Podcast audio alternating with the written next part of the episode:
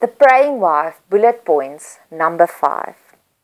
God recently revealed to me that the reason why we should not covet is because everything is supposed to inspire us to pray bigger. My one friend recently departed on an all expensive paid trip to Israel.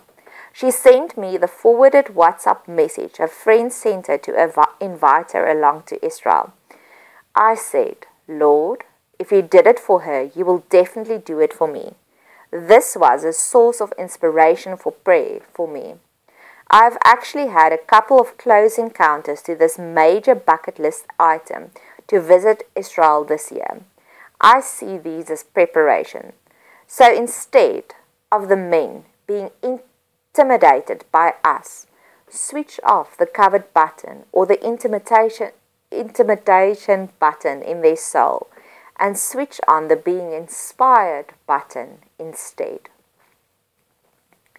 It recently came under my attention that maybe I am too independent.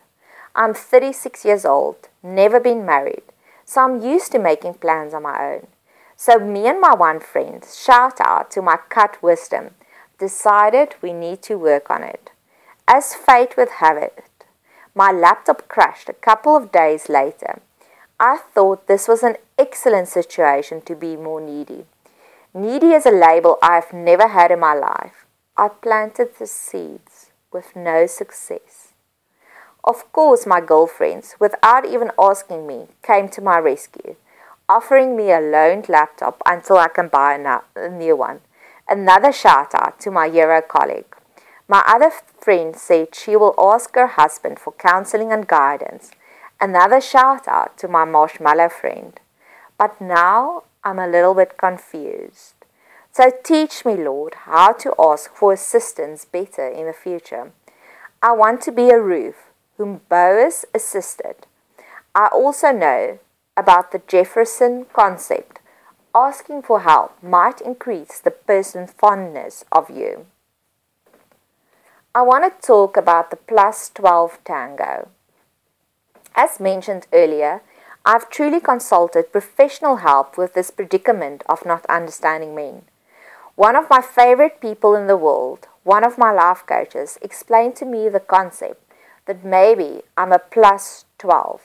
I'm intense. I overlove.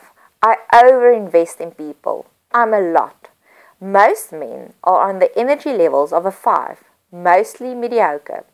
So obviously, I must find somebody that's a 9 or a 10 on the investment, intensity, and energy scale. So please, if there's not a man like this on this earth, let him manifest one way or another.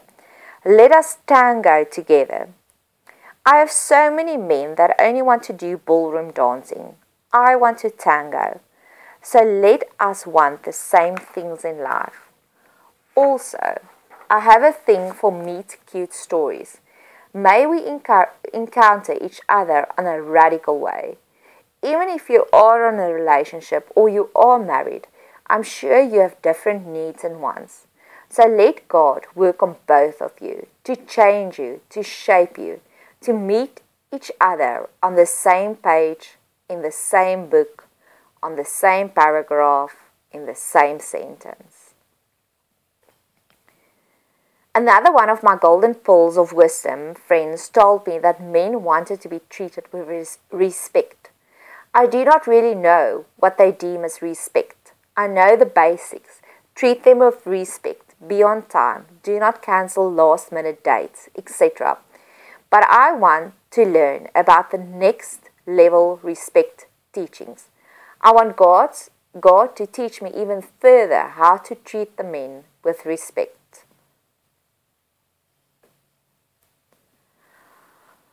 Oh, one of the things that frustrate me the most about the dating scenes is the games people play. Treat him like a dog, then he'll come crawling for more. Now, this is not in my nature to ill treat people. I have actually ended relationships. Then the man I was searching for in him suddenly surfaced after I've entered, exited or ended the relationship. I'm sick of being out of sync. So please, Let us be on the same melody. Another game people play is when you ask them one thing and they go and do the total opposite. So, once again, I'm praying for a radical alignment on this arena too. In short, let them have a wake up call before it's too late. I don't want to sing, I don't want them to sing, Ain't no sunshine when she's gone. Please let them realize what they have while they still have it. The next and the last one will follow shortly.